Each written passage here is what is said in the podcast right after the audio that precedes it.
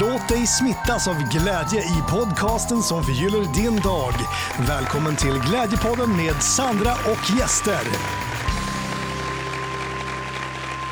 Välkommen till Glädjepodden och ett avsnitt som handlar om någonting som jag tror att många längtar efter, nämligen känslor. Att få tillåta sig själv att känna det man känner. Jag tänker så här, att det hade varit så himla enkelt om det hade funkat så att man, man kände det man kände när man känner det. Eller så här. Man känner det man känner när man känner det och sen är det bra. Men det är inte som att vi är uppväxta till att det är okej okay att eh, vi gör på det sättet för att Många är vi uppväxta med att vissa känslor är okej okay och andra känslor är inte okej. Okay, vilket gör att vi lär oss ganska tidigt att trycka bort vissa typer av känslor och att också känna skam över oss själva. För det blir ju som att man får, ja men man upplever skam över sig själv om man inte får tillåta sig själv att vara hela sig själv. Så just precis nu när du lyssnar på det här så vill jag att du ska känna att du är fri. Just nu här tillsammans med mig så får du vara precis som du är och du får känna precis det som du känner. Och jag tror också att jag har nyckeln till frihet. För vissa saker vill man inte känna och eh, då vill man komma ur det, men sen så kan man vara helt fast i för man förstår inte hur man ska ta sig ur det där. Och nu är det ju lite hybris att säga att jag tror att jag har någon nyckel till någon frihet. Men eh, jag har i alla fall någonting som jag känner har hjälpt mig. Och eh, det ska jag bjuda på idag. Men först så tänker jag att bara att jag ska berätta en lite rolig grej som hände, som är egentligen också anledningen till att jag just nu sitter här och pratar om känslor med dig. Och det är för att jag var på Coop förra veckan och sen så såg jag i andra kön så stod en kvinna som heter Helena som jag kände för, eller ja men som jag är bekant med men som jag inte har träffat på flera år. Och Eh, så ropade jag på henne och, och sen blev, vinkade vi och blev, vi blev jätteglada att se varandra. Och sen så stod hon kvar och väntade på mig, för det tog lite längre tid för mig då i min kö, men hon väntade i alla fall på mig. Vilket var väldigt tur, för då började vi prata. Och Helena hon har jobbat med sorgebearbetning tidigare. Och, sen så, och då sa jag det, jag bara, men du kanske ska vara med i Glädjepodden? Hon bara, ja men det ska jag ju. Och sen så var hon här igår och vi skulle spela in och eh, ja, men vi hade väldigt mycket att prata om och det blev väldigt mycket prat efteråt eh, som vi hade spelat in det här avsnittet. Eh, så vi har kommit fram till att vi ska spela in det avsnittet igen. Eh, många gånger är det sådär att när man spelar in ett poddavsnitt, så när man har slutat spela in, det är då det absolut bästa kommer. Så du har ett fantastiskt poddavsnitt att se fram emot här framöver som handlar om glädje och sorg och känslor. Men jag tänker ändå att jag ska gå in lite grann på det här ämnet idag för att jag tror att det är viktigt. Jag tror att det är viktigt för mycket tänker jag så här för det som jag själv jobbar med att ja, men jag är ju en vision om en hjärtligare värld, att vi ska leva i kärlek och medmänsklighet och glädje och det ska vara en självklarhet och det är det vi växer upp i. Men sen så har jag också själv upptäckt att eh, det funkar inte riktigt bara det här med att ja, men tänk positiva tankar så blir du glad det är lite för enkelt och många gånger så är det också lätt att ta den genvägen att man man tror att, alltså, för man gör gärna det. Man går gärna inte in i den där smärtan för att den kanske, alltså den är ju oftast, ja men det är ju inget roligt att vara i smärta. Och då tänker man att ja, ja, men jag tänker positiva tankar och så blir det bra. Och så kanske det till och med blir så pass att man tänker att när man tänker negativa tankar eller när man mår dåligt så blir man rädd för att man ska attrahera någonting dåligt för man tänker på attraktionslagen. Och så blir det som ändå som att man är kvar i sitt eget fängelse, det man egentligen vill ta sig ur. Och man fortsätter att leva ur sina trauman och ur sin rädsla.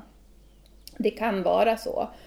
Och eh, därför så tycker jag att det är viktigt när man pratar om det här med glädje och jag då som ja, ägna mitt liv till att jobba med glädje så vill jag ändå så ofta som jag har möjligheten att försöka också visa en annan sida. Att livet är faktiskt inte bara glädje och det kan också ligga väldigt mycket eh, glädje och frihet i att våga möta det mörka och det jobbiga. Framförallt det vi har i oss. Alltså det, alla människor bär vi på bagage, mer eller mindre.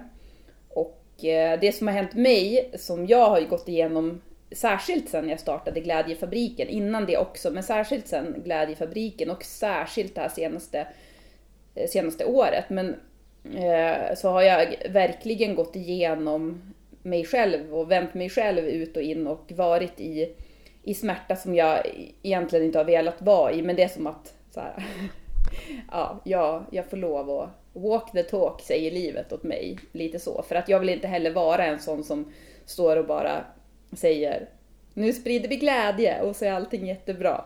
Så. Eh, utan många gånger så kan det vara för att man ska komma till ännu mera glädje så behöver man också transformera någonting i sig. Och eh, det här med att möta då eh, smärta som man har i sig, det är ju inte det roligaste och inte det creddigaste jobbet. Men det är kanske ändå det viktigaste jobbet och det finaste man kan göra, både för sig själv och för andra människor. För att det är det är inte alltid så enkelt att man bara tänker kärleksfulla tankar. Det är ju jättebra att göra det också såklart. Nu kanske jag går in väldigt djupt på det här. Jag vet inte alls. Jag vet knappt vad jag har sagt för någonting, vad jag pratar om och om du hänger med mig. Eh, men fortsätt lyssna, för jag, jag har en superbra slutkläm på det här kan jag säga. Jag har ju nyckeln som kommer hjälpa. Som alltid. Nej, jag ska inte lova någonting sånt. Men eh, kanske, kanske har jag det.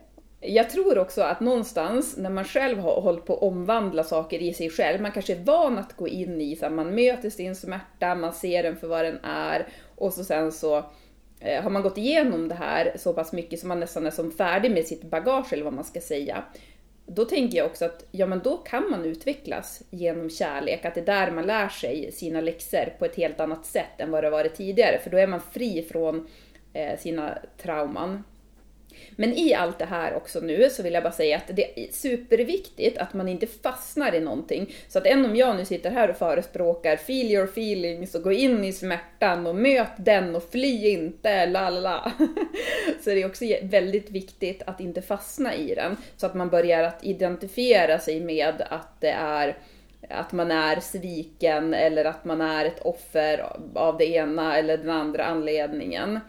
Eh, för man är ett offer så länge man inte är medveten om någonting. Men så fort man börjar bli medveten om någonting, då har man också möjligheten att också ta sig ur det och börja skapa en ny verklighet.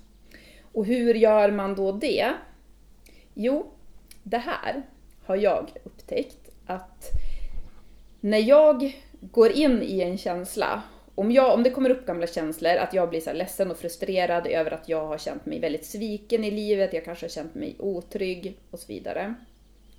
Om jag går in då och tillåter mig själv att känna mig sviken, jag kanske är förbannad också, jag kanske behöver eh, jag kanske behöver skrika, jag kanske behöver kasta omkring några kuddar eller alltså, ja, man får väl välja de bästa sätten att få ut sin Eh, aggression på. Men man kanske behöver få ur sig vissa känslor. Ilska eller sorg eller vad det är för någonting. Man känner att man är förbannad, sviken.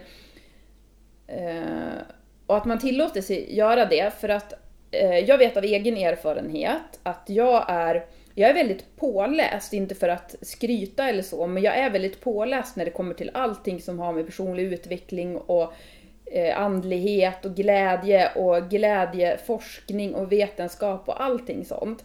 Så att jag har otroligt mycket kunskap i mitt huvud. Vilket gör, eller har gjort, att många gånger när jag har känt saker så har jag gått upp i den kunskapen och så har jag vetat, vetat saker om kärlek och hur man ska se på andra människor och det där har ju med deras sorg att göra och det har ingenting med mig att göra och la la la. Vilket har gjort att då har jag ju svikit mig själv. För jag har inte tillåtit mig att känna de känslorna. Och så har jag trott då att så här, ja men jag förstår ju det här och det finns ju en anledning till det här och så. Och jag tror att alltså, har man möjlighet att gå dit direkt, att man direkt får den förståelsen för en annan människa, så är ju det kanon. Men om man inte är där känslomässigt, att man trycker undan de här känslorna och direkt går till kunskapen, då har man hoppat över ett steg som man i så fall kommer att få gå igenom en annan gång. Så man kommer som inte undan det här. Så, det jag skulle säga då är det bästa och snabbaste sättet. Nu är det här ingen tävling, det är inte som att vi måste skynda oss eller så, men många gånger när det handlar om jobbiga känslor eller att man är i ett eget fängelse så vill man ut så fort som möjligt. Och jag tror att det snabbaste sättet det är att tillåta sig att känna det man känner och sen kan man gå in i, för då får man den här då kunskapen som man har också, den är mer integrerad i en och då kan man ta till sig den på ett helt annat sätt. Sen kommer det också en tid när man kanske inte behöver gå in i så mycket smärta längre. Och då måste man också, tänker jag, se att det är någonting nytt så att man inte fortsätter och tror och gör en höna av en fjäder eller vad det är man brukar säga för någonting. Den dagen när man inte lever längre ur det förflutna, ur sina gamla rädslor, då är man fri och då kan man känna det man känner när man känner det och tillåta sig att göra det. Och vill du veta en sak? Det finaste av allt, det är att då, när man tillåter sig själv att känna det man känner och man har gått igenom sin smärta, omvandlat det och eh, man behöver inte längre leva ur sina rädslor. Då är man inte heller rädd för rädslan, man är inte rädd för andra människors rädsla eller andra människors mörker. Och eh, då kan man bemöta människor på ett otroligt fint sätt för att då accepterar man sig själv vilket gör att då accepterar man också en annan människa precis som den är. Och det är väldigt helande att få känna den känslan, att man är accepterad precis så som man är. Och så vill jag så lägga till en sak i det här också. När man utvecklas, då är det ju alltid så här äh, intressant att se eh, sig själv. Så här, ja, men där var jag för tre månader sedan, där var jag för ett halvår sedan, där var jag för ett år sedan. Och så, sen så tänker man tillbaka och bara, ja shit, där gjorde jag ju sådär och där sa jag ju det. Och eh, så kan man ju känna lite så här skämskudde över det. Men det är också, alltså jag tänker att det är absolut, alltså hela den här resan mot högre medvetenhet, det är det vackraste som finns och hela den resan är vacker. Även då de där stunderna som man skäms över och man kan tänka att man var helt lost och allting. För det är en del av resan och du kan inte vara där du är om du inte har gått den vägen. Jag tycker att det här med att eh, våga möta smärta, våga eh, ransaka sig själv. Det är så tufft jobb att göra. Så därför så känner jag ändå att jag bara vill credda alla som gör det och säga heja heja. det är fantastiskt. Det här, jag vet att så här, ni får kanske ingen fysisk guldstjärna för det här. Men gud vilken guldstjärna ni får av eh, ja, som är osynlig. Det, här, det är det er själ vill, att så här, bryta gamla mönster som inte är gynnar oss människor. Jag tänkte också att jag ska dela en sak som Helena nämnde och som hon brukar prata om. Det är vikten av att lyssna och skillnaden mellan att trösta och att stötta. Att trösta, eh, det är mera egobaserat. Att man går in och så ska man förändra någon. Det är någon som mår dåligt och så ska man förändra den och Eh, medan att stötta, nu vet inte jag, jag, det här är min tolkning utav det, så det här kanske vi pratar om också framöver när Helena kommer med i podden. Men att stötta, det är att lyssna och bara finnas där. Och att möta med den människan eh, där den är. Och då brukar hon ge som en fin metafor och säga att man ska se sig själv som att man är ett jättestort hjärta med eh, jättestora öron och ingen mun. Så ett stort hjärta med stora öron och ingen mun som bara lyssnar. Det är veckans glädjeutmaning den här veckan. Men jag känner också det att nu det här med sorg och att det, alltså jag tänker att det är så himla viktigt och det är så viktigt att vi går in i det och att vi, jag känner att det, på ett sätt så känner jag som att det är, det är det här världen egentligen behöver just nu. Mera sorg. Så därför, och eftersom att jag själv har som gjort en resa nu sen jag startade Glädjefabriken, så har jag faktiskt valt nu, det här är tio året som jag driver Glädjefabriken. Så jag har valt nu ändå att jag ska eh, byta namn faktiskt. Så att jag kommer, det kommer från mig nu heta Sorg, Sorg, jag vet inte om det kommer heta Sorgfabriken eller Sorgefabriken. Och podden kommer heta Sorgpodden eller Sorgepodden. Så du som lyssnar får gärna skicka in och tipsa vad du tycker passar bäst. Men jag känner som att det är det som vi ska sprida ännu mer nu, det här med gå in och